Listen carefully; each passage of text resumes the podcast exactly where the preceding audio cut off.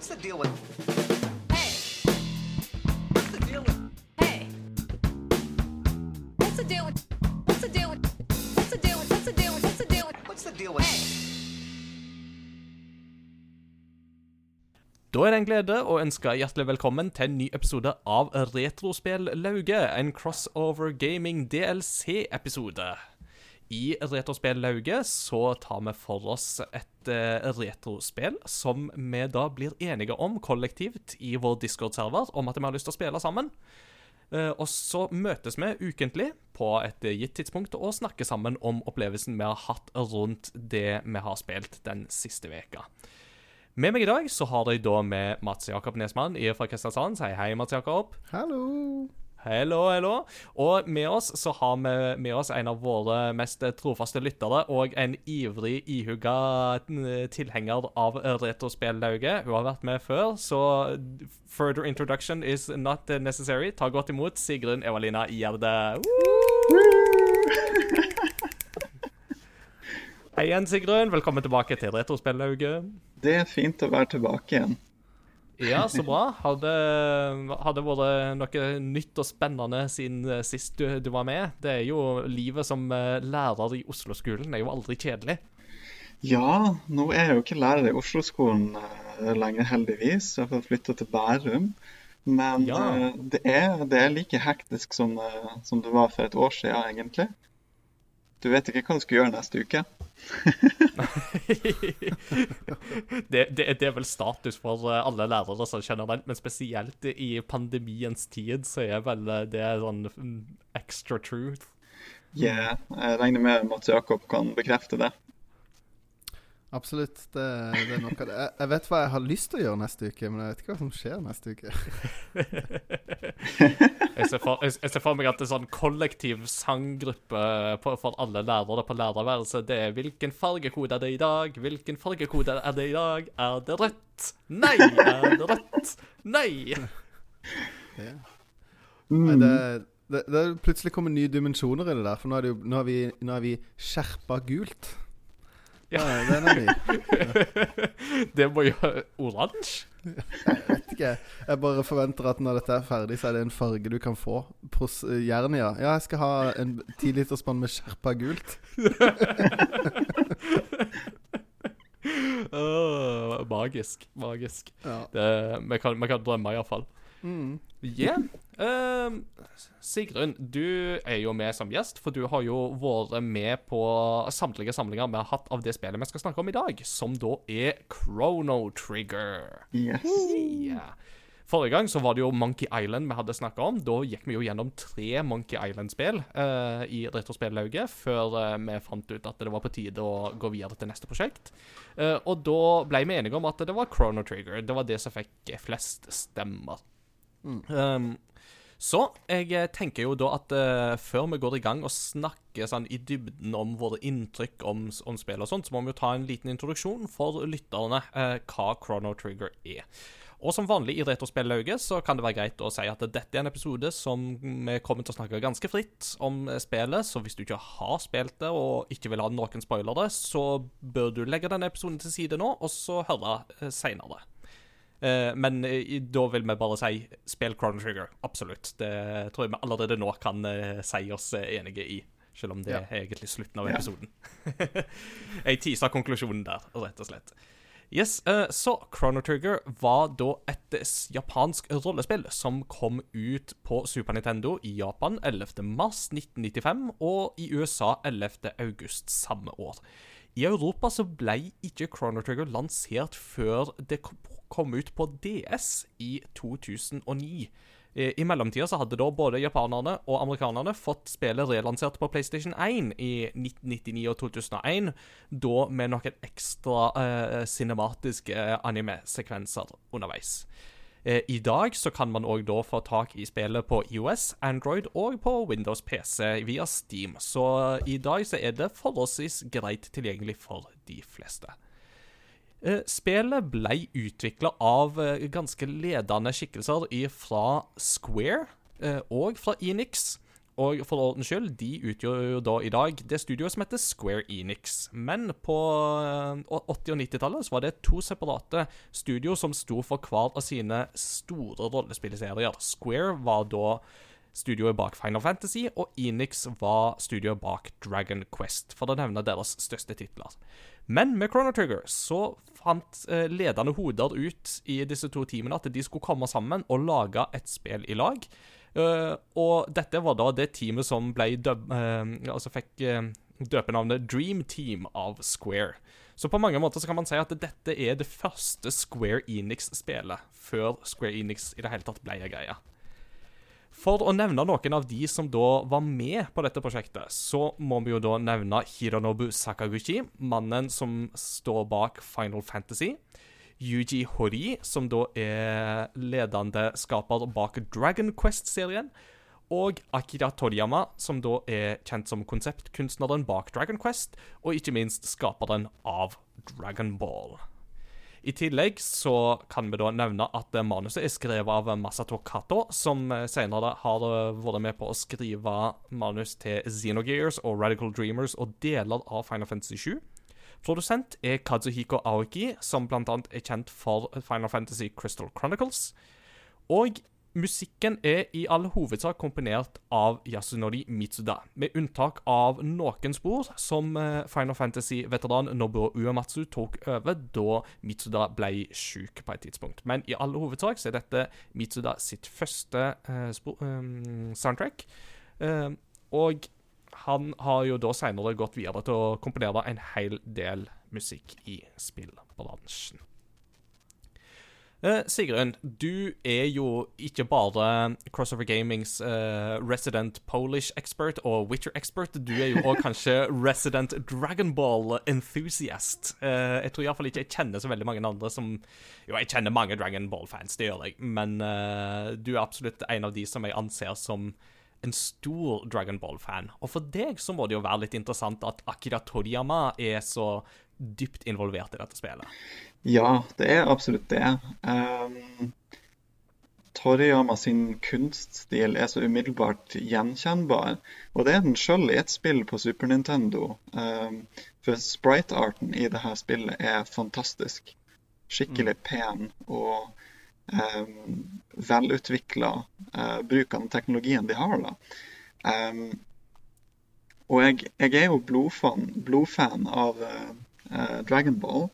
Men jeg har fortsatt hatt til gode til å spille mange av de andre tingene han har vært involvert i.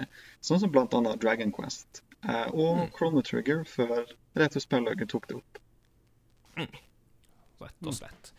Eh, Mats Jakob, um, jeg tror vi aldri har diskutert det, deg og, deg og meg, men uh, har du noe sånne forhold til noen av disse titlene som vi var innom, av liksom Final Fantasy, Dragon Quest, Dragon Ball, uh, den slags type ting? altså... Nei, altså Jeg har spilt uh, ett og et halvt Dragon Quest-spill. Og så har jeg prøvd noen. Um, men jeg, jeg liker det veldig godt, men det er jo veldig tidkrevende. Sist gang jeg spilte Dragon Quest-spill, var på bryllupsreisa mi, som uh, senere gikk videre til Eirik. Ja, ja, ja, Eh. For han mangla det spillet. Eh, og jeg har sett én episode av Dragon Ball mens jeg spiste en middag i Thailand. Så det var dubba til thai. Eh, veldig spennende å se på. Jeg skjønte ikke så veldig mye det som foregår, men jeg har fått litt uh, de, de små klippene jeg har sett ellers, er, og tror ikke Da har jeg heller ikke skjønt så mye av hva som har foregått, selv om jeg har skjønt hva de har sagt. Så det er litt sånn Mitt inntrykk av Dragon Ball er at det er litt sånn over the top. Det Ja. er spesielt én scene hvor det er en fyr som skal rekke et eller annet. Så da knuser han en stolpe fra en bygning, og så kaster han han av gårde. Og så hopper han oppå og flyr av gårde på den stolpa han sjøl har kasta. Eh, Stemmer. det, er liksom, det, det er mitt sånn hovedinntrykk av Dragon Ball, at det er litt sånn crazy. Men jeg liker er vel Ja.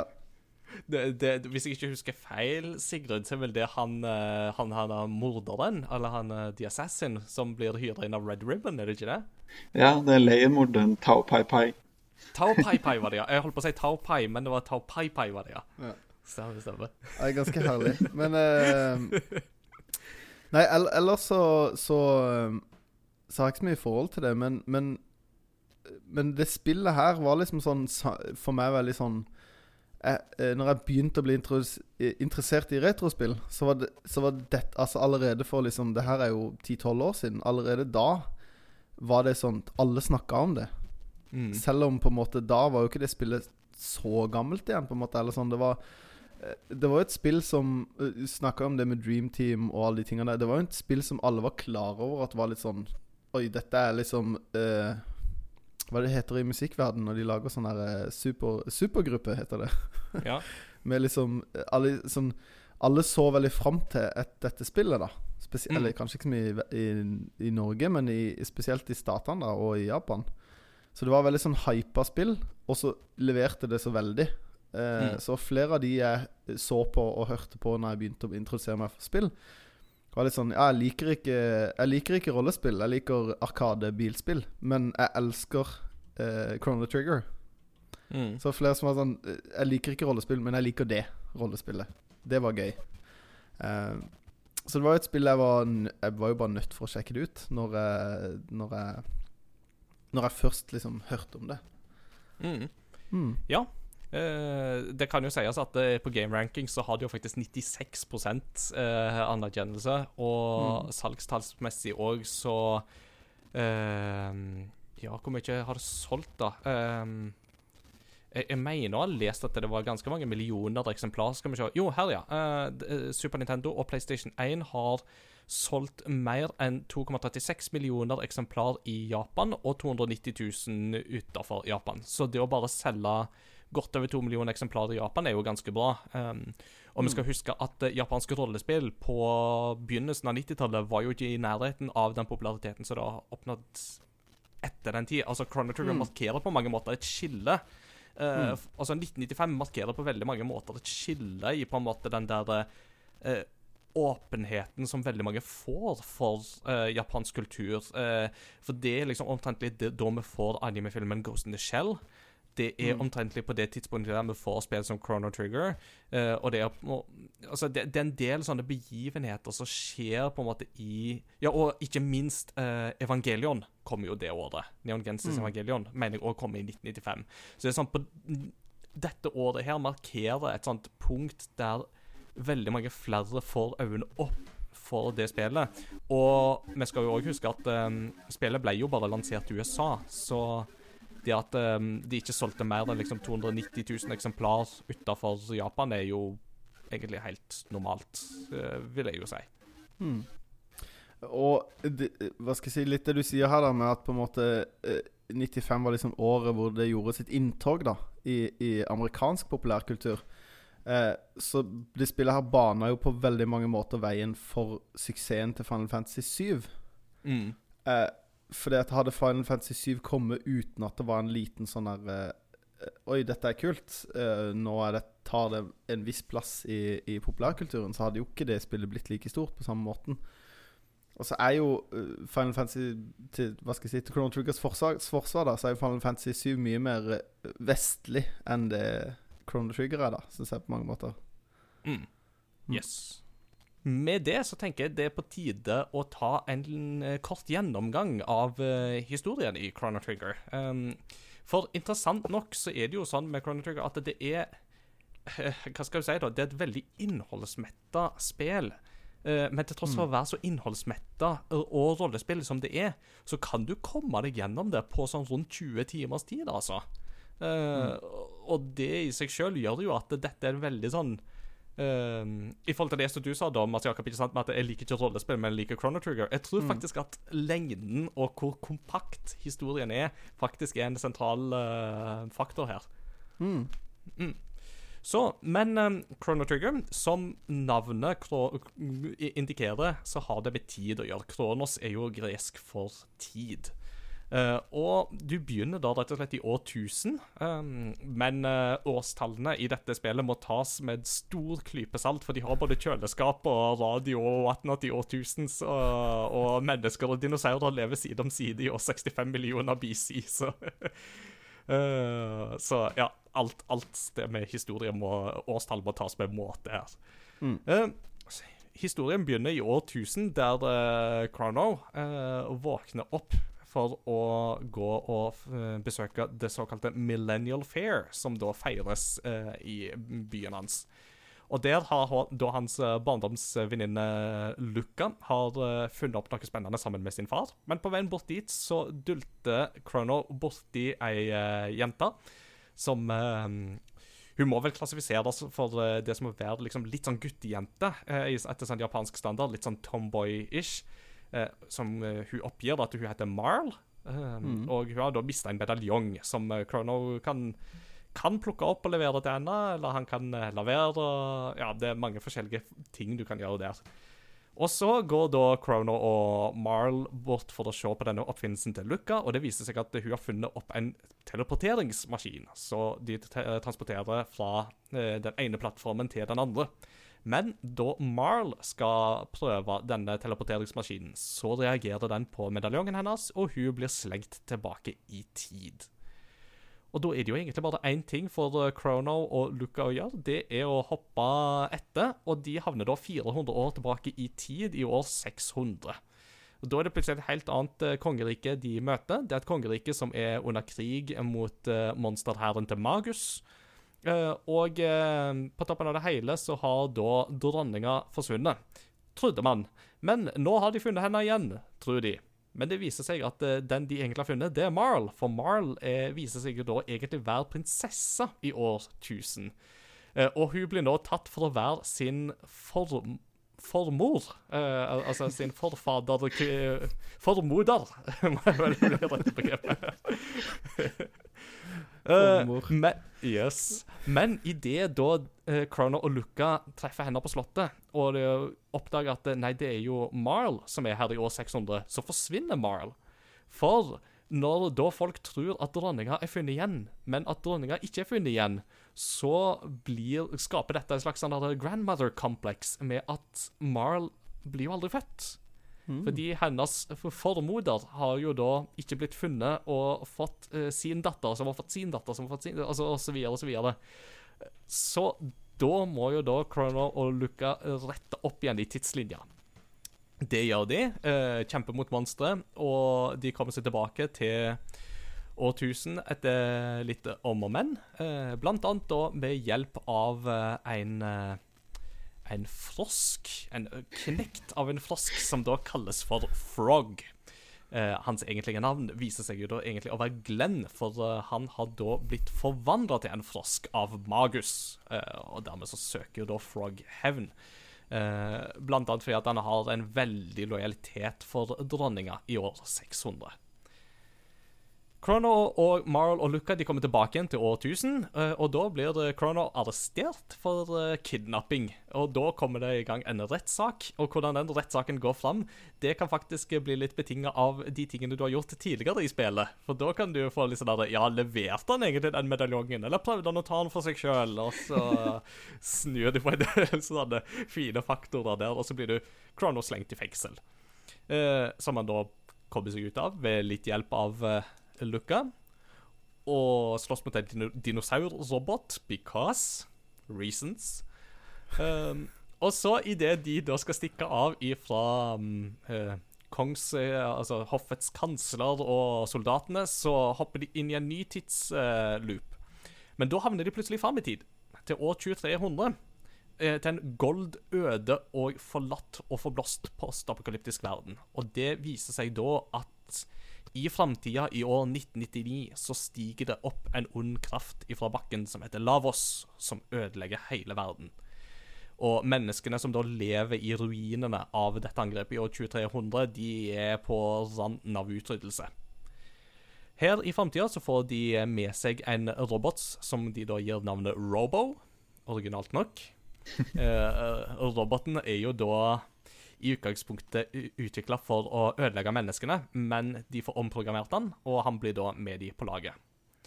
Og de bestemmer seg jo da for at denne framtida med Lavos vil jo da sette en stopper for.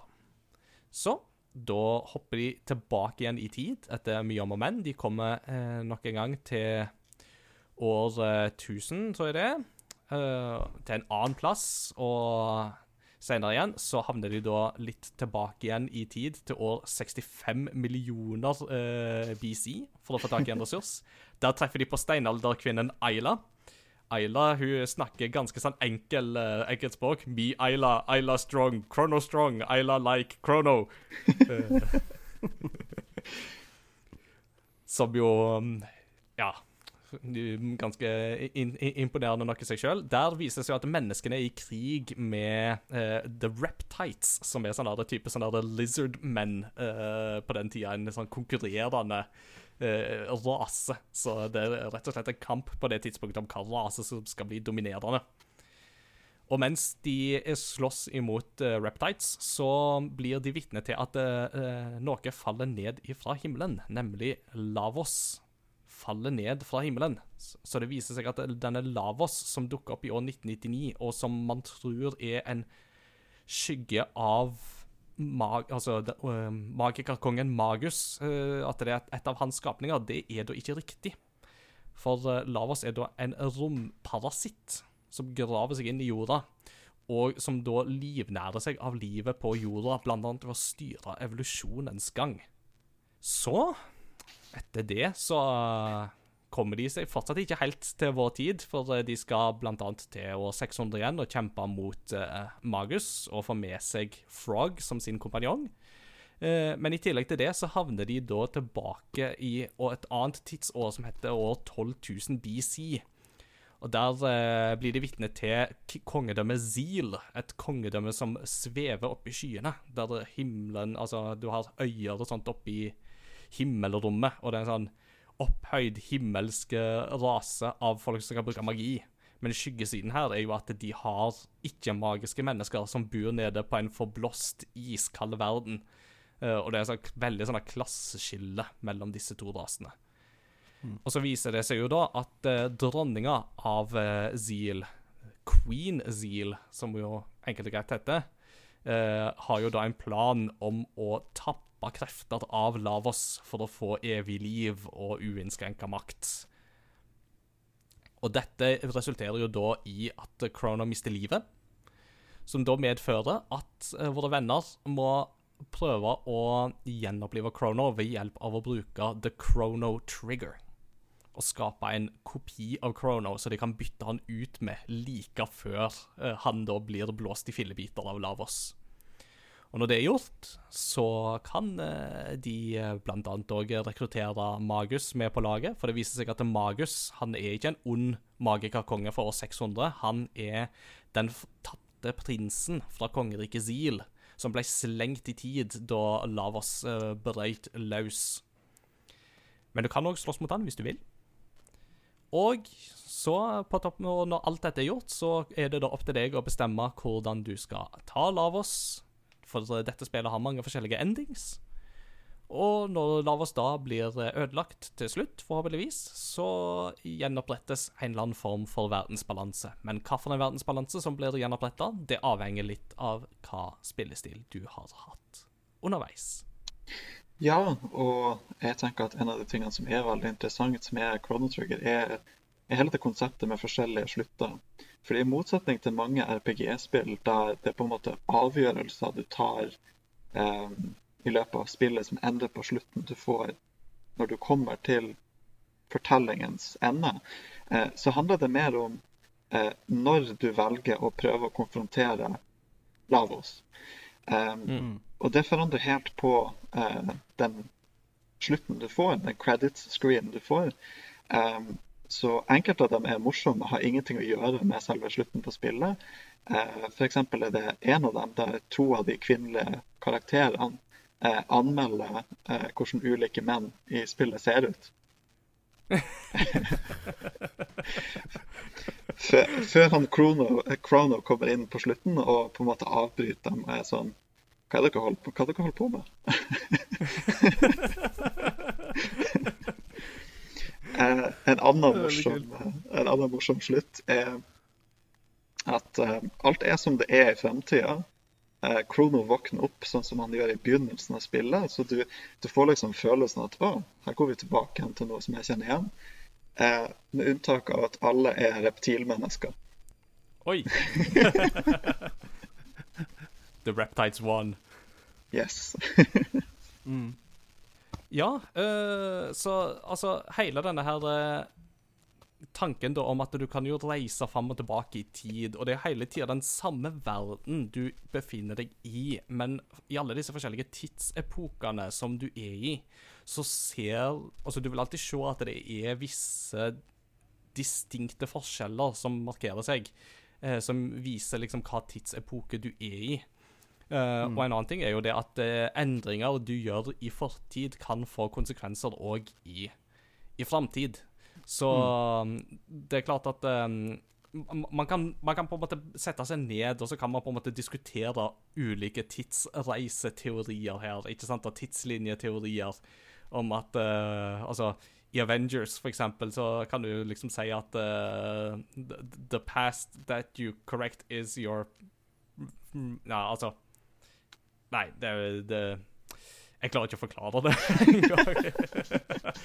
men det, er jo- men det, er jo- det er kanskje litt mer rettere å si at dette er mer beslekta med Back to the Future-teorier om hvordan tidsreiser da faktisk fungerer. At det er liksom i utgangspunktet bare én tidslinje, og hvis du eventuelt oppretter en parallell tidslinje, så bør du egentlig helst unngå at den parallelle tidslinja finner sted. Hvis ikke den da er til din gunst, da kan du bare opprettholde den parallelle tidslinja. Så hvorfor eh, Chrono, Luca og Marl ikke drar tilbake i tid og vedder på alle sporting events som har vært de siste fire årene, det får vi jo bare lure på. Men de trenger kanskje en sports almanac for å gjøre det.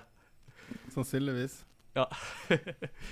Så um, uh, Men ja, altså det, det er veldig fascinerende å reise gjennom tid ikke sant? og se hvordan de ulike tidsepokene er satt opp. da. Um, og igjen litt av denne her med Du, du, du må på en måte ikke ta dette for, for seriøst. Uh, for det er klart at uh, år 600 er ikke akkurat vår år 600, år 1000 er ikke akkurat vår år 1000 heller, uh, for den saks skyld. Men, det, men, men, men jeg liker den der følelsen du får med at når du er i en ny tidsepoke Hver gang når du kommer til en ny tidsepoke, så er det sånn Hvor er jeg nå? Hva er forskjellig nå? Eh, hvordan skiller denne tidsepoken seg ut i forhold til de forrige tidsepokene jeg har vært i? Og så videre.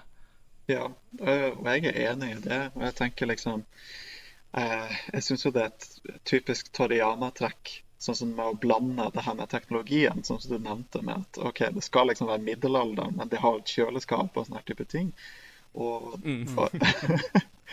så når du drar tilbake til 65 millioner før vår tid, eh, så er det dinosaurer og mennesker som lever sammen. Altså, Ifølge halvparten av USAs befolkning så vi har de jo det. Så, så det, så. Men, eh, men, men eh, det å diskutere amerikansk utdanningssystem, det får bli en helt annen podkast, tenker jeg. Nei, Hadde du en kommentar, syns- Ja, nei, jeg bare Jeg syns det Altså, eh, det spillet her er- var jo på en måte eh, Vi spiller det jo nå, men når det kom, så var det jo masse nye ideer. Til, altså, for, Iallfall for amerikanerne. Eh, at det var et veldig sånn friskt pust, da. Mm. At, eh, og, og det er jo også et spill som er på mange måter Hvis du hadde hatt en Zelda-aktig eh, combat istedenfor turbasert, eh, så hadde det jo føltes litt som et sånt eh, Det hadde føltes mer som et sånn actionspill enn et eh, rollespill, fordi at du eh, Altså, det er jo leveler og sånne ting, men det er jo Det, går ganske naturlig. Det er jo ikke noe sånn grindespill. Du trenger ikke å liksom Oi, nå må, jeg, nå må jeg sette meg ned og bare ta masse fiender for å komme opp i level. Det, det er en veldig sånn naturlig progresjon hele tida òg, som òg jeg syns er veldig sånn eh, eh, et bevis på at det, de som, at det er Dream Team som har utvikla det. For det er et ekstremt godt balansert spill. Du støter ikke på plutselig sånn, noe sånn Du kan jo selvfølgelig, men du eh, Jeg har iallfall ikke opplevd det.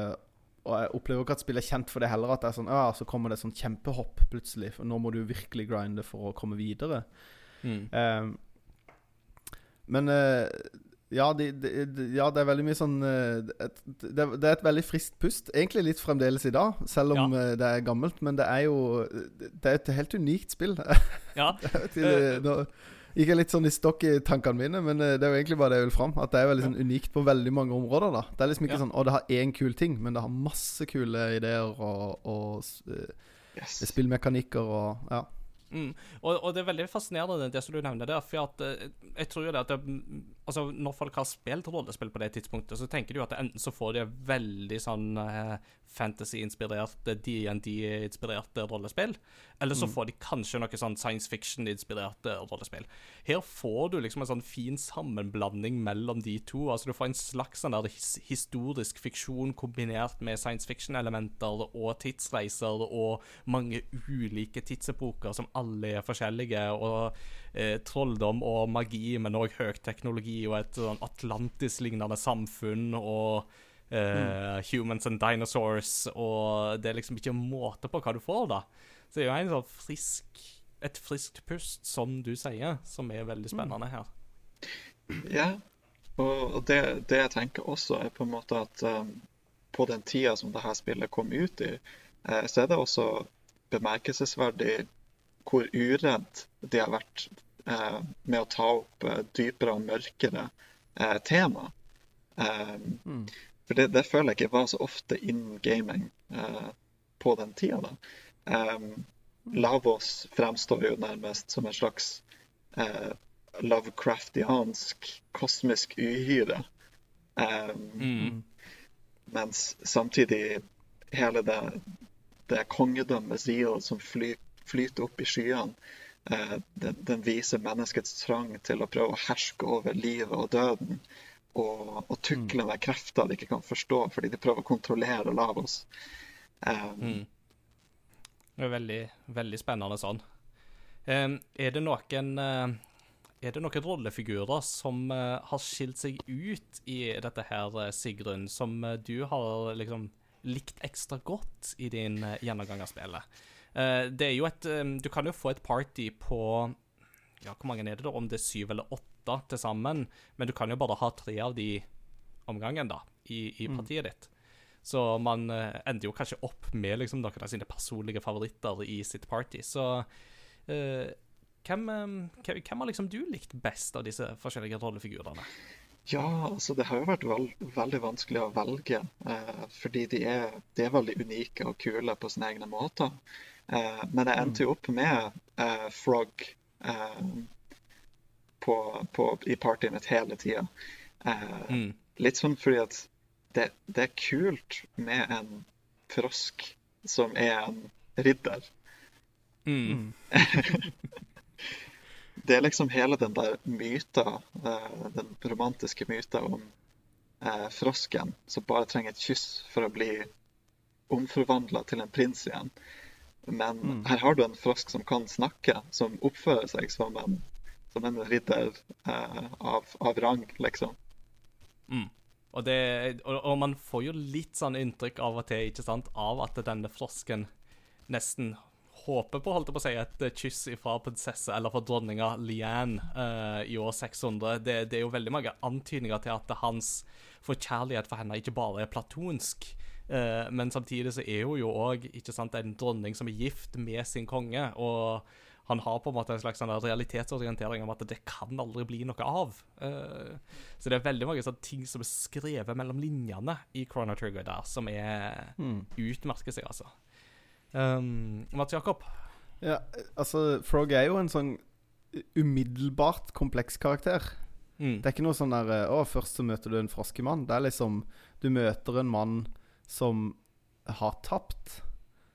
Eh, og du får jo vite at han var jo egentlig litt sånn eh, eh, Nesten litt sånn der eh, lillebror som dilta etter den store, kule ridderen. Og at han var jo Mm. egentlig ikke ridder. Og så ble han Mens han store, kule eh, ofra seg sjøl for at han skulle overleve, men da ble han forandra til frosk. Ikke fordi at de tenkte Ikke fordi de ikke kunne ta han, men fordi de tenkte han her er ikke verdt å ta. Vi tøyser med han. Vi gjør han om til en frosk istedenfor. Mm. Eh, og går og bærer på, på skyld og skam for at han døde, og at han ikke kunne hjelpe. Og han vil jo ikke hjelpe dere i, Han vil jo ikke være med i begynnelsen, før Nei. dere klarer å få tak i dette sverdet til han eh, han Cyrus. heter han? Cyrus heter han, ja. Eh, så han er liksom umiddelbart en litt sånn herre eh, Hva skal jeg si Når du møter han først, så er han jo litt sånn emo. Han sitter i, i grotta si i bakken og sier eh, 'Jeg vil ikke hjelpe dere, og kom, liksom, jeg vil være for meg sjøl'. Mm. Eh, og så må du liksom Du må jo overtale han til å bli med. Eh, så jeg syns òg han er en av de mest spennende karakterene i det spillet her. Mm, absolutt. Eh, ja. Eh, Frog har jo utmerka seg som en uh, god rollefigur for veldig mange, og Frogs theme er jo òg et sånt tema Mm. som går igjen ikke sant, som en av de liksom, ikoniske musikkstykkene ifra, ifra dette spillet.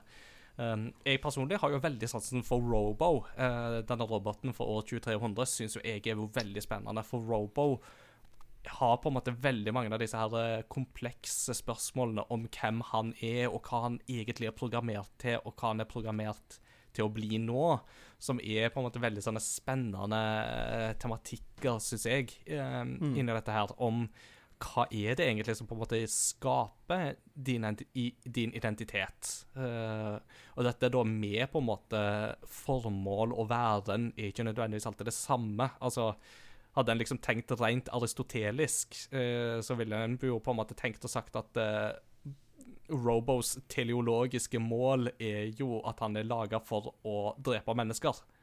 Men så blir han programmert om til å få et nytt formål. Eh, men det gjør jo igjen at han kommer i clinch med sine gamle venner, altså med sine robotvenner, i den grad en robot kan ha venner in the first place. Men Robo opplever jo absolutt at han har fått venner i form av Chrono og Luca og Marl og resten av gjengen, som er veldig, veldig interessant. Og det er jo ett sideoppdrag som du kan ta i Chrono Trigger, der uh, Robo Der det I år 600 så kan du ta en sånn her et, et, et monster som var på en måte laga nærmest en slags ørken av et helt område.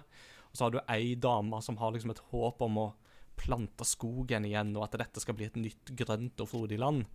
Eh, Men det vil jo ta 400 år før det kan bli grønt igjen, og det vil kreve masse arbeid. Og da sier jo Robo at ja, men jeg kan bli igjen. Altså 400 år. Jeg, jeg, kan, altså, jeg kan putte og gå i 400 år. Det går fint. Og da kan du jo bare sånn Ja, OK, og så for deg så kan du bare husk, reise med tidsmaskinen som du får etter hvert. Og så for deg så tar det bare ett sekund, men for Robo så har det gått 400 år. Eh, og bare hele denne uh, tematikken der det, det er veldig mye følelser som liksom sitter i dette spillet, som blir kommunisert gjennom noen få sprites som er tilgjengelige. Som jo definitivt er kanskje en av hovedgrunnene til jo at Chrono Trigger utmerker seg sånn som det gjør som spill, er jo My emotions, for å ta liksom meme fra For å ta community. Men altså, my emotions Altså, dette er spillet som virkelig på en måte røsker i deg, selv om de ikke har 4K og alle verdens uh, grafiske ressurser til rådighet. da. Jeg syns jo eh, Jeg snakka jo bitte litt om eh, sånn type supergruppe eh, i musikken òg. Og i musikken så er det liksom eh, Det er blitt en sånn greie om at man tenker at liksom ja, supergruppa eller liksom eh, All Star Team og alle de tingene at de liksom ja, Så lenge vi har de beste individene, så blir det det beste resultatet. Eh, Mm. Og det har jo mange ganger vist at er jo ikke tilfellet. Eh, men her opplever jeg jo Jeg opplever jo at dette er et uh, um, En supergruppe som har et, et ordentlig passion project. At det, det, det er dødsbra fordi de er skikkelig gode på det de holder på med, men alle var liksom på, da. De var liksom uh, de, de har hatt en visjon og fått det til, og så har på en måte de individuelle kvalitetene de har klart å gjøre det spillet her ekstremt bra. Mm. Eh, du kunne jo gått andre veien, på en måte. Det, altså, det er jo Kunne fort ha ikke blitt bra, at det bare så bra ut, eller Ja, altså en, en brannfakkel i den forbindelse, men altså et konsept som jo på papiret høres veldig veldig bra ut, men som jeg syns ikke fungerer like godt i praksis, det er jo når du blander Disney og Final Fantasy og får Kingdom Hearts. Altså På papiret så er jo det som skaper for meg. And I just don't like it. Så det, det er litt forskjell på om du heter Hironobu Sakaguchi, eller om du heter Tetsuya Nomura, for å si det sånn, på hvorvidt prosjektet ditt lykkes eller ei. Eh, men, men det jeg egentlig skulle si uh, Sorry, Kingdom Hearts-fans. Det er jo en jeg skjønner hvorfor dere liker det. det, det jeg bare deler ikke den pasjonen. Uh, men uh, det du sier da med at det er litt sånn passion project og alt sånt Et område der jeg jo virkelig vet at dette var et passion project, var jo på musikkfronten. Eh, al- altså til Mitsuda, eh, som jo Altså, dette var jo hans første spillmusikalske oppdrag. For før det så hadde han bare jobba med liksom andre ting i Square. Eh, men han ville lage musikk, og han ville lage særegen musikk som på en måte skilte seg ut ifra det som var vanlig innenfor spillmusikk og innenfor sjanger. Altså, han ville på en måte krysse barrierer og bryte sjangere. Han var litt sånn Uh, han var noen sånn skikkelig sånn kunstnerspire. Så, så, så han la jo egentlig ned et ultimatum om at han måtte få lov å komponere noe spillmusikk, for hvis ikke så kommer han til å slutte. Og da ble han sånn Ja, men her har du Chrono Trigger. Dette, dette er prosjektet for deg. Eh, Da skal du få være med på dette. Og resultatet merker du jo så til de grader. Altså, Chrono Trigger er jo et spill du ikke kan spille uten lyd. Eh, Det er rett og slett bare å gjøre dette spillet vold, altså. Det, det, det går bare ikke. Altså eh, Til å være et spill som har veldig mange sterke kort, så syns jeg jo musikken er det sterkeste kortet. Det er jo det eh, Jeg har jo spilt det en gang før, og så har jeg spilt eh, store deler av det nå. Jeg har ikke fullført det, men jeg har spilt store deler av det nå. Men det er jo musikken som sitter igjen. Jeg går ikke og, jeg går ikke og liksom funderer over kampsystem eller historie, selv om det er veldig bra. Det er jo musikken. Det er litt sånn som Zelda, på en måte. Eller det, jeg føler det har samme kvaliteten, da, Mm. som eh, eh, Som den musikken der. At det er sånn som bare Plutselig så nynner jeg på det i dusjen, liksom. Altså, det eh, det, det sitter så sykt godt, da. For det er så vanvittig godt komponert musikk. Og mm. spennende musikk, da. Ja, som du sier, det er ikke bare liksom Å, nå lager jeg noe spillmusikk. Det er liksom ordentlig passion i det. Mm. Jeg husker fortsatt når jeg har gått på sånne spillbutikker i Japan og sånt, og så hvis de av og til sånne retrospillbutikker og Hvis de mm. har hatt Chrono Trigger stående på loop der, enten på en TV eller på lydanlegg eller noe sånt, og du hører det hovedtemaet Da bare stopper jeg opp, og så bare står det der og liksom bare Og så bare kjenner jeg at jeg bare blir glad. Jeg blir nesten på gråten av å bare høre liksom den episkheten som ligger i den musikken, og bare liksom dette her I'm going on an adventure-følelsen som virkelig ligger i den musikken. Ja, og eh, jeg, jeg tenker òg at det var min erfaring med Chrono Trigger før jeg spilte det. At jeg har hørt musikken. Og, og det regner med at uh, musikken er så legendarisk, og den har liksom bare blitt satt til hva som helst på YouTube også, for den saks skyld. Så jeg regner med at det er mange flere som har hørt en sang fra Chrono Trigger, enn som har spilt spillet.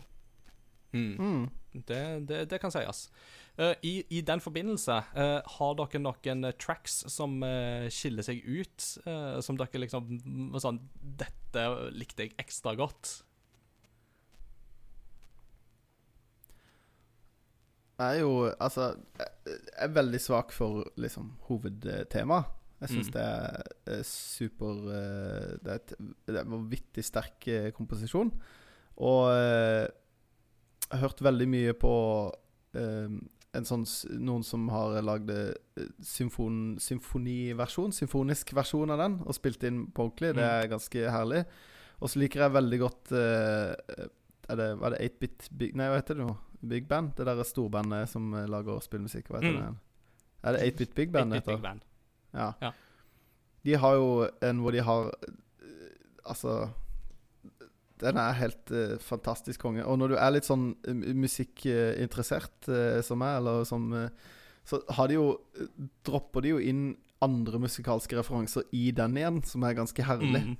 Mm. blant annet en bit eh, hvor, det, hvor de har lagt inn eh, noe som høres ut som Spain eh, med Chicorea, og ikke er Spain, men er liksom helt likt.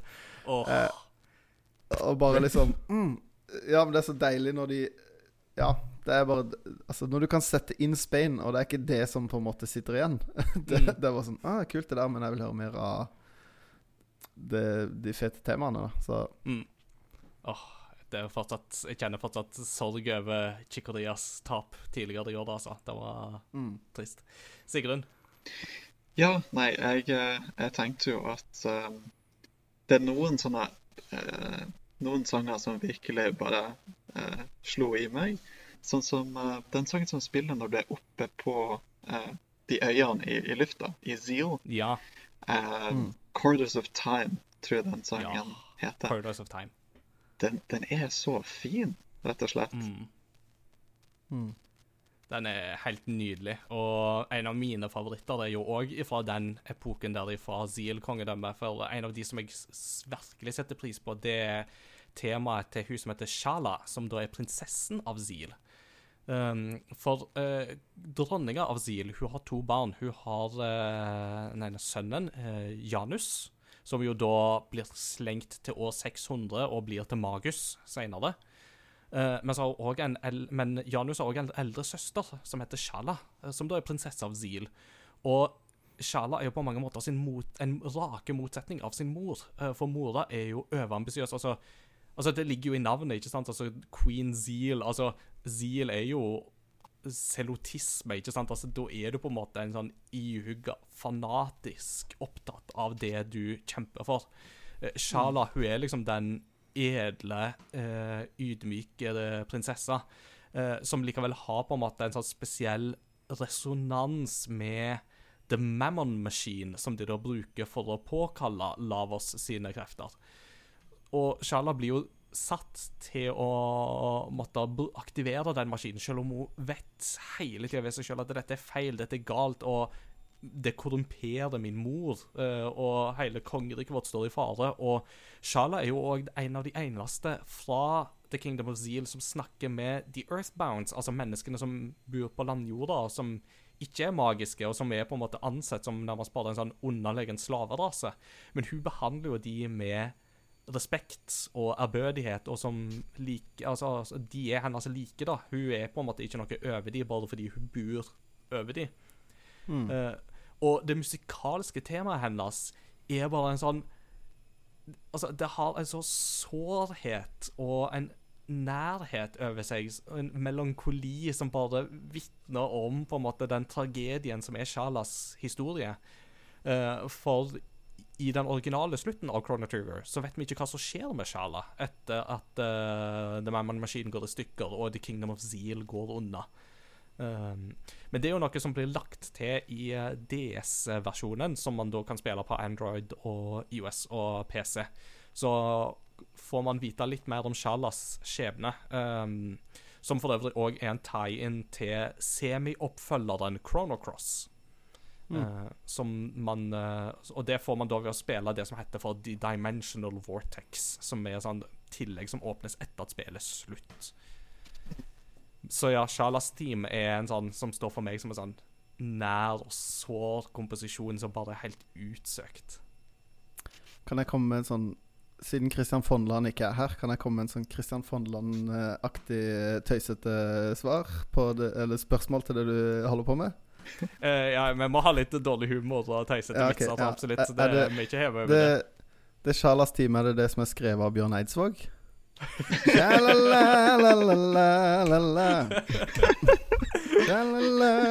OK, sorry. Siden Christian ikke er her, så måtte jeg nesten bidra.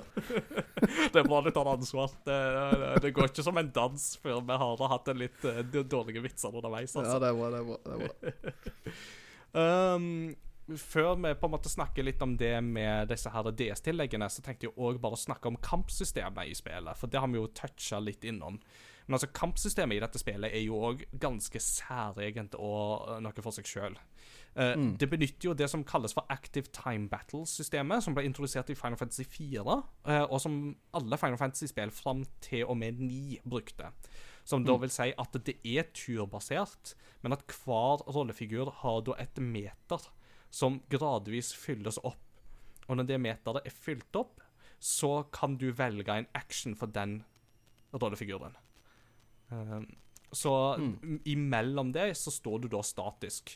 Eh, og du kan velge å på en måte um, sette tida til å stoppe når du da ikke eh, gjør en handling. Men det er gøyest hvis du på en måte har det på en måte aktivitetstempoet hele tida. Det, det er absolutt det som skaper spillet på sitt, gøyeste. Og i motsetning til Final Fantasy-spill fra den tida, der dine figurer står til høyre på skjermen og fienden står på venstre, så støter du på en måte på fiendene åpent De vandrer åpent rundt på kartet som regel, med mindre de ligger i bakhold. Eh, og når du da går i en konfrontasjon, så blir du stående på det kartet der som dere møttes, og så går liksom rollefigurene dine De sprer seg rundt fienden, og så kan de på en måte angripe fra forskjellige vinkler og sånt.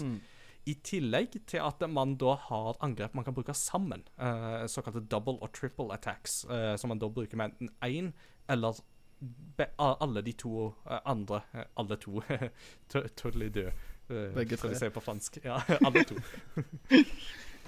uh, men altså da at alle tre partymedlemmer bruker da angrepet sammen. Uh, Mm. Om en sånn superkraftig angrep. Og det òg er jo en sånn ting som virkelig gjorde at Chrono Trigger skilte seg ut på dette tidspunktet, for det var helt særegent, eh, den type kampsystem. Det var ikke noe du fant i verken Fire Fantasy eller Dragon Quest. Mm. Det er ganske Det er ganske Det er ganske annerledes. Og når jeg spilte det første gang, så hadde jeg ikke eh, kjempebrei erfaring. Sånn at jeg syns at eh, eh, Jeg syns ikke det var så annerledes da. Jeg har på en måte lagt mer merke til det etter at jeg har spilt andre spill i ettertid. Um, jeg jeg syns jo periodevis at det, det systemet kan være litt frustrerende òg, for jeg er ikke så rask. Jeg er ikke så, jeg er ikke så rutta på rollespill. Så jeg har jo valgt den wait-biten, da. Altså at det, det ikke er aktivt hele tida, fordi at jeg kan streve med å Jeg er ikke så rask, rett og slett, og da blir det på en måte ikke Da, da taper jeg jeg når jeg sitter og venter. Eh, men så har jeg på en måte heller ikke nødvendigvis opplevd at denne wait-funksjonen er helt wait heller. Eh, for det, at det, det er ikke sånn at det stopper helt opp som i en tradisjonelt rollespill, at det er liksom etter tur. Eh, sånn at eh, du kan ikke heller bare sitte og, tenke og tenke og tenke. Du kan ikke spille det som et eh, tradisjonelt rollespill sånn, at du kan planlegge. Mm. Du må, du må være litt aktiv på da og, og kjøre på med angrepene, selv om du kan vente litt, da. Mm. Rett og slett. Ja, det, det er mulig at jeg har uh, Jeg på en måte cheata meg litt rundt uh, akkurat den delen av kampsystemet. Men du kan trykke på start for å pause det. Midt Ja. i kampen. Så da pleier jeg liksom sånn Hvis det går fort, så trykker jeg bare på start, og så tenker jeg på hva jeg skal gjøre. Og så prøver jeg å trykke og velge movesene så raskt som mulig. Eh, så det var en ting som, eh, som hjalp veldig mye. Eh, men den andre tingen som jeg tenkte på òg, var Jeg syns at det er et imponerende intuitivt system som Chrono Trigger Mm. bruker. Det er ikke så heftig mye sånn tutorials i, i det her spillet, men det meste av det som skjer, er såpass intuitivt at du på en måte skjønner hvordan du skal slå en boss, f.eks. Eh, med at det gis noen sånne teksthint i en kamp, eh, og så kan du på en måte skjønne OK, hva er svakheten til denne bossen? Mm. Rett og slett. Um, Åh, nå glemte jeg hva jeg skulle si. Sorry. Det går fint. Eh, I eh, DS-tillegget, uh, eller i DS-versjonen, som da senere gikk videre til iOS og Android, og da til PC, uh, så har det jo kommet et par tilleggs-dungeons i dette spillet. Det ene er det som heter Lost Sanctum, og det andre er den som vi snakket om i stad, Dimensional Vortex, der du får vite mer om prinsesse Shalas skjebne, blant annet. Eh, Sigrun, du har jo faktisk prøvd deg litt på eh, dette her Lost Sanctum, og der eh, merker du jo veldig fort noen svakheter med spillet som viser at tillegget 15 år senere ikke helt lever opp til originalens standard. Jo, man kan si det sånn. Lost Sanctum er et interessant tillegg i konsept, fordi at det utvider jo fortellinga til reptilene fra 65 millioner før, før vår tid. Eh, det er på en måte I spillet sånn som det var, så eh, de på en måte bare når, når Lavos eh, lander på jorda. Eh, da blir det liksom sånn at reptilene er borte fra spillet der. Men i Lost Sanctum så, så får du muligheten til å gjøre noe godt, og liksom eh, hjelpe dem å overleve gjennom tidsepokene. Eh, det eneste som er utfordringa med akkurat den, det tillegget, er at det er for repetitivt. Um, de har laga noen nye områder som du skal bevege deg i, uh, og det er mange ulike quester der. Men Questene får deg til å backtracke veldig mye og gå gjennom det samme området om igjen og om igjen med de samme fiendene om igjen og om igjen. Uh, det hjelper heller ikke at det er ganske kryptisk i forhold til hvordan eh, resten av spillet er. Eh, fordi eksempel er en av, en av eh, de som du skal hjelpe, han trenger mat for å kunne jobbe. Eh, og da sier han eh, jeg, jeg kunne trengt noe søtt. Jeg vet at noen av eh, monstrene hadde noe søtt. OK, så hvis du bare skal gå ut ifra det uten en guide, så må du lete gjennom alle monstrene i hele området i flere tidsepoker. Ja, det er litt eh, Det er litt tynt. Det er Ja. det. Så dere, dere er herved advart, eh, dere som da plukker det opp. Eh, men sidequester og sånt ellers kan varmt anbefales. Der er det veldig mye bonuser, og ikke minst er det jo veldig mye humor i dette spillet her òg, som jo er vel verd å, vel verd å få med seg. Så, men det skal vi komme litt tilbake til. Um, vi har jo toucha litt innom vår bakgrunnshistorie med dette spillet. Um, Sigrun, jeg har forstått at du Dette var første gangen du spilte det, ikke sant? Um, og hva liksom Hva førsteinntrykk liksom gikk du inn med med spillet da? Altså siden du ikke hadde spilt det før? Jo, altså, jeg hadde aldri spilt det før, men eh, jeg hadde jo selvfølgelig hørt om det lenge. Eh, det ene inntrykket jeg hadde, var jo bare at Toriyama hadde hatt ansvar for, for kunststilen. Så det hadde vært eh, definitivt et spill som jeg lenge hadde hatt lyst til å prøve. Eh, samtidig eh, så hadde jeg hørt flere av sangene fra soundtracket i ulike coverversjoner på cello og gitar og alt mulig eh, veldig fint, sånn som det. Um, så jeg gikk jo inn på en måte med ganske høye forventninger, egentlig. Uh, Mats Jakob, du hadde spilt det før? Mm. Jeg spilte det for uh, Jeg vet ikke mange år siden. Ja. Um, så jeg jeg husker det meste. Men når jeg spilte gjennom det da, så spilte jeg bare til jeg fikk en slutt. Uh, så jeg er ikke helt sikker på hvilken slutt jeg fikk. Men uh, det, var, det var ikke en av de der eh, Det var iallfall ikke den der eh, Rate my body-slutten som du fortalte om, eh, Sigrun. Da, da, da hadde jeg huska det. Men eh, nei, eh, så jeg har på en måte spilt det og følt meg ferdig. Og så visste jeg at det var et eh, På det tidspunktet så trodde jeg det var Jeg visste at det var mange slutter. Og så eh, trodde jeg det var sånn som det er i noen i flere spill, at det er sånn Ja, du får en ny slutt når du spiller det gjennom på nytt. Litt sånn New Game Plus-stil, da. Og bare sånn Nei, jeg spiller ikke det her igjen med en gang.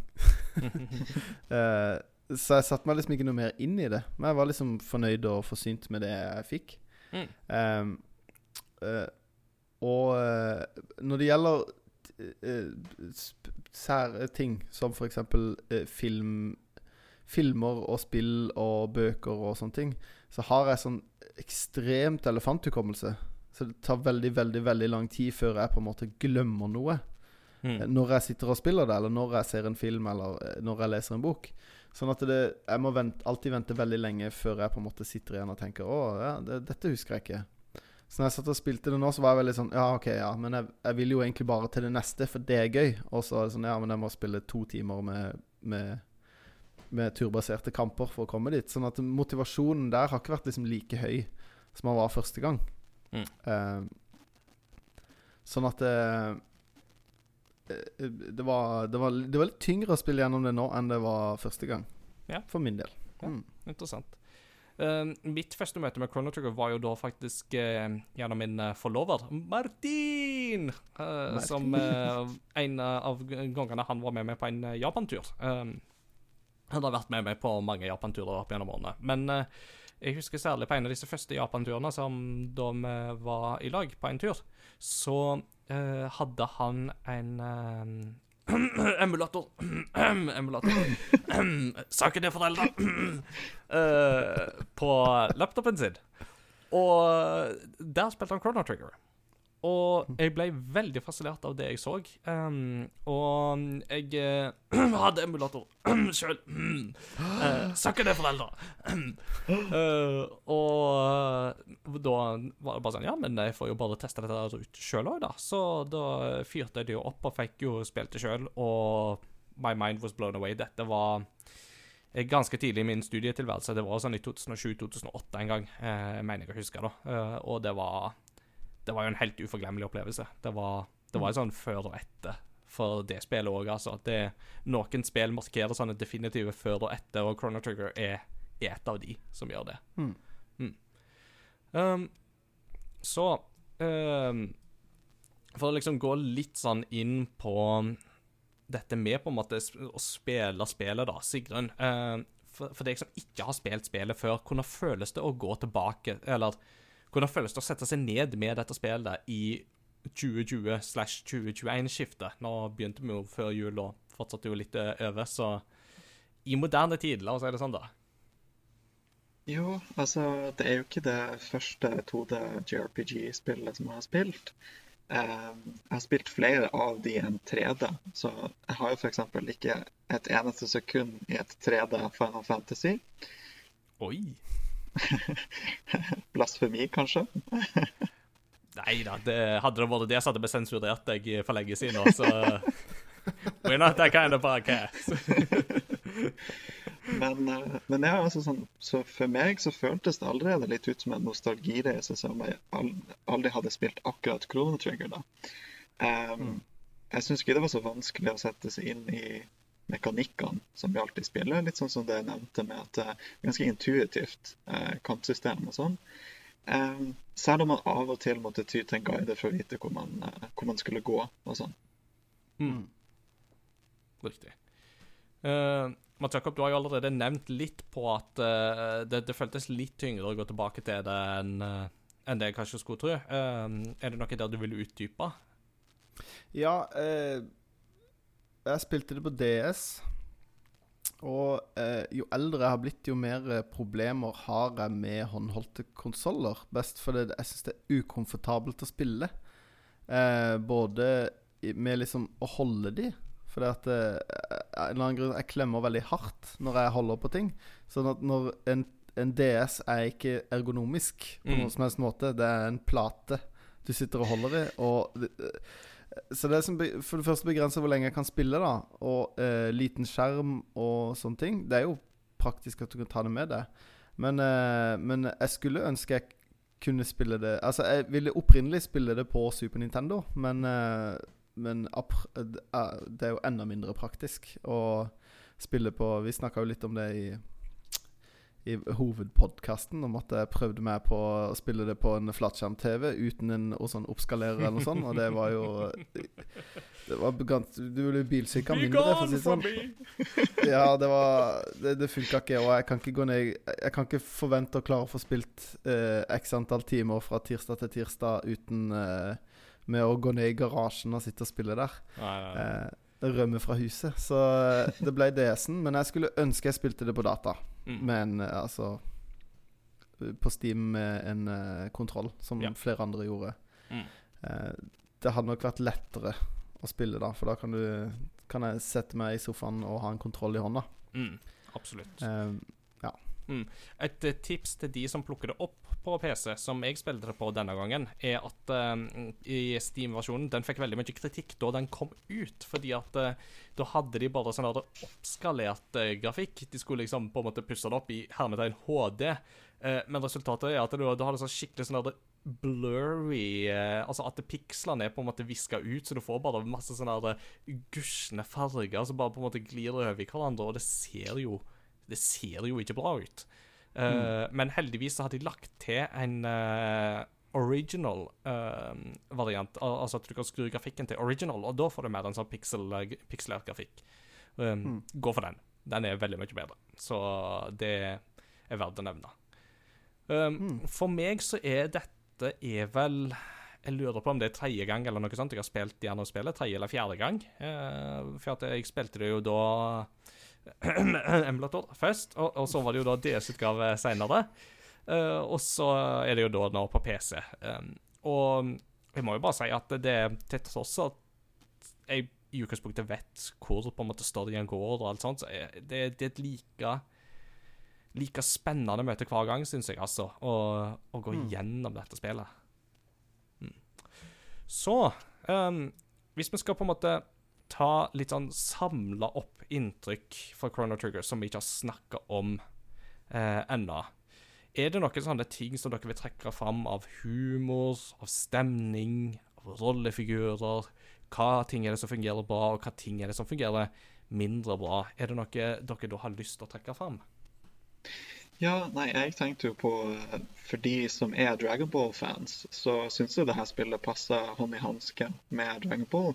Både med stien, som jeg nevnte. Altså, det er jo det er mange kule hårfrisyrer som ser ut som det, de er bare et par sekunder fra å gå Super Saiyan. Ja. Jeg hadde ikke blitt overraska hvis Crono plutselig hadde begynt å si Kamehameha.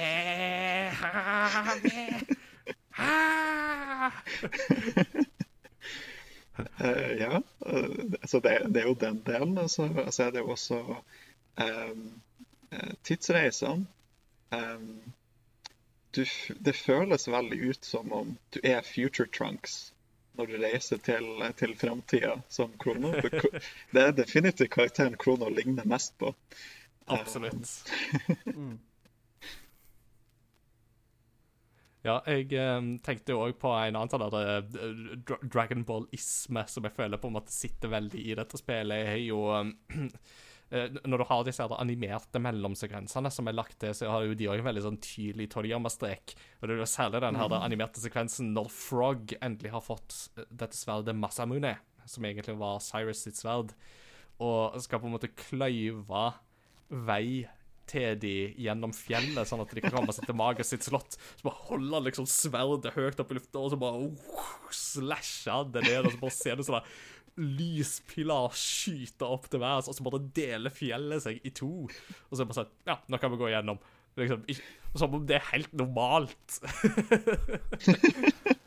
Eh, Jeg syns det er deilig med den kunstneriske friheten i akkurat det der. For det, der hvor de er da, så er det jo litt sånn Ja, det er, dag, det på dagen eh, Det er grønt og frodig. Og så i den der uh, animert sekvensen så er det liksom eh, Regnskyer, og det er liksom Det blåser, og det er liksom det Så det er sånn Ja, det ser mye fetere ut hvis det er liksom litt sånn stormfullt vær. Det, det, det, altså, Chrono Trigger kommer med dynamic cloud uh, computing. Uh, the clouds have dyn, uh, dramatic effect. Jo da. Og, og jeg tenker også på akkurat det med den lysstripa som slår opp fra det fjellet. Eh, Det er også veldig Dragon Ball, for det er jo, en, det er jo et bilde av hele jordkloden der den lysstripa flyr bort fra jordkloden ut i verdensrommet. Det er veldig Toriyama-ish. Definitivt. Ja. Og det er en del sånne ansiktsuttrykk òg underveis i dette spillet som jeg bare syns er helt fantastisk animerte, med den der pikselerte grafikken som òg er liksom sånn du, bare skriker Dragon Ball mot deg. Alt ifra liksom kansleren, eh, altså kongens rådgiver, som bare blir så sjokkert at haka går liksom rett ned, og øynene spretter ut. Eller til Marl, som blir sånn sur, sur at det bare skriker, og det bare liksom så, «Ah!» Og så ser du liksom det gra grafiske uttrykket der. Det har veldig sånn Bulma-fil over seg. Uh, Jeg synes akkurat, akkurat det der har jo liksom nesten litt sånn Looney Tunes-aktig eh, eh, vibe. Og når Krono blir liksom skremt og sånn, så er det liksom hele kroppen litt sånn som coveret på den der eh, 'Hjelp deg juleferie'. Ja. liksom, med Chevy Chase og sånn, sånn. ja, ja, ja, men det er litt sånn eh, Det er den stilen, da. Ut i sjøstjerna, liksom, for å, for å bli skremt og store øyer og Nei, det er ganske Det er, det er ganske det er et veldig stemningsfullt spill, og litt sånn enhetlig stemningsfullt. Det er ikke bare sånn 'Å, denne delen er stemningsfull', men hele spillet er liksom Mm. De klarer veldig umiddelbart å male et bilde som du kjøper. Mm. Bare fra liksom Når du starter opp spillet, og du ser liksom de flyr over oververden, og den båten går i vannet, og liksom Det kommer røyk fra pipene, og det er noen ballonger som sprekker Altså bare der, liksom, så har de allerede malt et ganske tydelig bilde, da, og et veldig fargerikt bilde, som er veldig Som de følger opp, da. Mm. Og så um, tenkte jeg jo òg på um, andre sånne um, Toriyama- Toriyama-ismer eh, som går an å hente på en måte ut, er jo Luka, Luca, hun eh, smarte venninna til Krono. Eh, føles jo litt som den litt smartere og litt mindre ville utgaven av Arare fra Dr. Slump, som jo er en av disse andre seriene til Toriyama. Mm. Tenkte Det, jeg jo det, på. det, det gjør absolutt det. og det- Det er litt sånn gøy å se det. Også på, på Robo, eksempel. Mm. Det er sånn veldig sånn typisk Toriyama-robotdesign, på en måte. Mm, ja, ikke sant. Men den største kunstneriske friheten, som òg bare på en måte understreker hvor herlig design er dette spillet, det er jo uh, alle disse figurene har jo sånne victory poses i beste JRPG-stil. Og det beste der er jo Frog, for når han vinner, så får han jo tidenes største biceps. For han er jo i utgangspunktet en sånn knøttliten flask, men når han vinner, så viser han liksom en gigantisk arm som stikker ut og liksom tar seg for bicepsen, som bare viser seg å være liksom enormt svært. Og det var sånn Wow, hvor mye Altså, nå forstår jeg hvordan du kan kutte fjell. um, og så er det jo noen av disse her bad guysene òg som jo stikker seg ut som sånne her, eh, litt sånne festlige typer. Da særlig han Ozzy er jo en sånn gjenganger hos eh, mange av oss, eh, som jo er en av Magus' Magus' tre håndlangere. Eh, Ozzy ser jo nærmest ut som han er en fra planeten Namek. Eh, på mange måter grønn med sånne antenner som stikker litt sånn ut. ikke sant? Og litt sånn uh, litt lubben og svever bare sånn ha-ha-ha, nå har du falt i min felle. Og når du da ikke har falt i fella hans likevel, så er han bare sånn Å, oh, Ozzy's in the pickle! Og så stikker han av. Ja, fordi jeg, jeg føler jo at han Ozzy han, han er liksom sånn visuelt er han designa som, eh, som en Namekian. Men eh, når vi tenker videre på Dragon Ball, så er han kanskje litt mer sånn som karakteren Pilaf. Ja. Som er liksom sånn eh, veldig useriøs eh, skurk. Eh, som, som på tullete måter prøver å legge hinder for deg, og som bare hele tida feiler. Mm. Ikke sant. Eh, er det noen andre rollefigurer som eh, vi ikke har liksom tråkket fram? Altså, jeg, jeg, jeg vet jo Og en annen rollefigur som du òg har på en måte hatt litt sansen for, eh, Sigrun, det er jo, det er jo Ayla fra 65 millioner BC. Ja, altså jeg er absolutt veldig glad i Ayla. Og hun blir vel på en måte litt den rake motsetning av Frog, som er en veldig komplisert karakter fra begynnelsen av.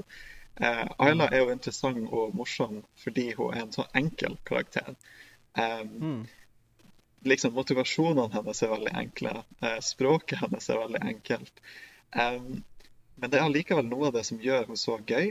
Så jeg hadde jo både Frog og Ayla med meg i, i partyet gjennom mesteparten av spillet.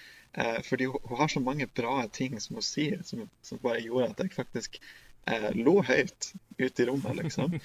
eh, når, når du har med Frog, og du møter Ayla første gangen, eh, så sier hun Yummy frog, for Isla eat?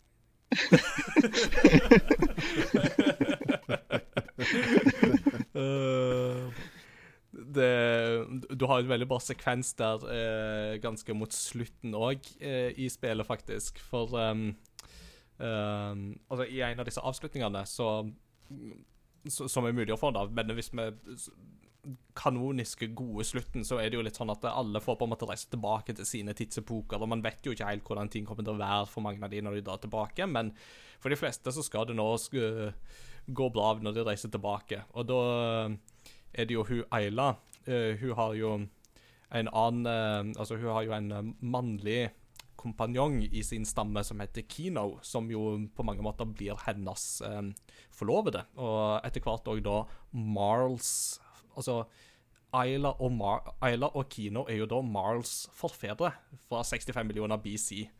Eh, Så når de da skiller, så sier jo Marl bare sånn her take, take good care uh, of each other, otherwise I won't be born. Og så sier Kino he-he, no worry, Ayla, much energy. Og det er den ene gangen der Ayla blir flau. Hun blir skikkelig flau. Og så går hun bort til Kino, og så slår hun og så Kino dum! Ayla go now. Men vi snakket jo litt om han her um, Ozzy i stad ikke sant? Og um, en av disse her um, kampene som du kan ha mot Ozzy, at han liksom står med noen vinsjer, og hvis du da aktiverer den rette vinsjen, så, så, så detter han ned, og så ser du han aldri igjen. Uh, og hvis du da har med deg Robo på laget, så stusser Robo på uh, I wonder what affliction of the mind that one must have been suffering from. Så det er ganske direkte uh, av og til på disse her kommentarene. Og det er jo det som er så gøy, og som gir dette spillet gjenspillbarhetsverdi, er jo det at uh, forskjellige rollefigurer vil si forskjellige ting i forskjellige settinger, og reagerer ulikt. Som jo bare er òg med på å skape en sånn der eh, følelse av nytt og ferskt uh, når du plukker opp dette spillet for andre eller tredje gang. En ting som jeg husker jeg tenkte på første gang jeg spilte det, og da naturligvis andre gang, at eh, em, Og da når jeg spilte det første gang, så hadde jeg ikke spilt uh, veldig mange uh, sånn uh, 2D-RPG-er. Eh, så husker jeg tenkte på at jeg syns at, eh, at eh, for, for det første, første gang jeg tenkte på det, var første gang du kommer til eh, 65 millioner år BC, er jo at eh, det er jo damene som er krigere. Mm. Eh, og at eh, jeg ble litt sånn da, da ble jeg veldig sånn OK, her, her er det på en måte Her har de snudd tradisjonen på hodet. eh, men også at det liksom at, at det på en måte Det er ikke bare sånne hjelpeløse prinsesser i dette spillet. Eh, som eh, jeg òg syns var veldig kult, da. Det er, ikke, det er liksom eh, det er, det, er, det, er, en god blanding, da. Av Mm. både eh, menn og damer og frosker og roboter. Eller sånn. Det, er- ikke et veld, er ikke sånn homogent eh, homogen greie, da. Hvor du Mm. har liksom Selvfølgelig er det jo en mann som er At det er liksom guttehovedkarakter og ditten og datten, men, men det er ikke liksom Det er ikke den derre malen, da. Typiske malen, da. Som jeg har sett mye mer seinere, og som typ sånn Mm. er vanlig, da. Mm. Ja, ja. Eh, Eh, og, og det er jo sånn, altså For, for å ta den uh, videre, så er jo altså Marl hun er jo ei prinsesse, ikke sant? Og hun, så spillet begynner jo med at hun har jo sneket seg ut på The Millennial Fair eh, uten Mm. farens samtykke, fordi at uh, faren har liksom vært så overbeskyttende for henne etter at uh, mor hennes døde. Så hun har jo på en måte aldri fått nærmest på en måte leve et normalt liv og få på en måte gjøre helt vanlige ting og sånt. Hun har liksom bare nærmest blitt eh, holdt, holdt isolert på hoffet. Eh, og det er på en måte en rolle som hun nekter å finne seg i. da. Eh, så hun i kamp plukker opp uh, armbrysten og skyter i vei og hele pakka. Så hun, selv om hun kan hun kan være en av flere rollefigurer som kan heale, men hun er ikke redusert utelukkende til en healer character, og det er veldig forfriskende og fint. da. Eh, Og på mange måter så så har hun på en måte litt sånne sam På mange måter kan du si hun har litt likhetstrekk med Dagger fra Final Fantasy 9, eh, som òg er jo ei sånn prinsesse i litt sånn opposisjon mot eh, sine foreldre, men da kanskje jeg er litt mer sånn tomboyish eh, framferd, da. Ja, altså, jeg tenker også at vi har jo, vi har jo sagt en del om liksom utnyttelsen av teknologi eh, som det her spillet gjorde, der der man virkelig fikk liksom maks ut av Super Nintendo, eh, som jeg føler man kunne gjøre. Eh, og det er jo ikke minst også med måten de bruker Super FX-chipen i, eh, i Super Nintendoen på. Eh, der du har jo noen sånne eh, jet race-sekvenser i framtida som Mm. minner veldig om Mm. F-Zero. Ja, ja, ja. Det ja, de er veldig kule. Mm. Og det, det, det er jo helt opp i din bane, eh, for du er jo absolutt en av podkastens store F-Zero-entusiaster. Så det må jo være noe for deg. Og yes, framtidens flygemaskiner. Yes. Give, give them to us now. um, jo um, Jeg tenkte på uh, Er det er det noe vi på en måte skal trekke fram uh, som vi ikke har trukket fram ennå, da, som eh, er liksom sånn hva fungerer bra, og hva fungerer mindre bra? Hvis jeg skal trekke fram én ting, så må det være Jeg syns at historiefortellinga i Chrono Trigger er prisverdig, for den er så effektiv. Det er en historie som inneholder fryktelig mye innhold, til tross for at du kan bli ferdig med spillet på rundt 20 timer. Uh, og dette spillet får liksom fortalt så mange Så mange spennende fortellinger og så mange interessante tema, og får deg virkelig til å på en måte sitte og gruble over mange på en måte store, viktige spørsmål underveis, på en måte som ja, Vi har jo vitsa litt om det, jeg og Sigrun, da, men altså, det er litt sånn at Chrono Trigger gjør mer på 20 timer enn det Cyberpunk gjør på 70. Yes. Eh, og det til tross for at Cyberpunk skal liksom, skal liksom være liksom the, the big great one. ikke sant? Men altså, det er liksom, Hvis du går tilbake til dette her, så får bare liksom sånn this is, what, this is what it's all about, really. Altså, dette er bare på en måte rent og skjært godt håndverk tvers igjennom. eh, Ved alle dets aspekter, inkludert av historiefortellinger som bare er litt sånn at Ja, det kan være enkelte tider da du, du har ingen problem med å finne plotthull i hele den tidsreiseproblematikken hvis du vil, men det er ikke alltid det det handler om. Noen ganger så handler det bare rett og slett om den helhetlige kvaliteten som du får. Eh, Og som jeg virkelig føler at Chrono Trigger utmerker seg på, uh, og som gjør at det står seg for meg den dag i dag, da. Jeg syns du treffer spikeren på hodet der og sier at uh, det er rett og slett godt håndverk. Mm.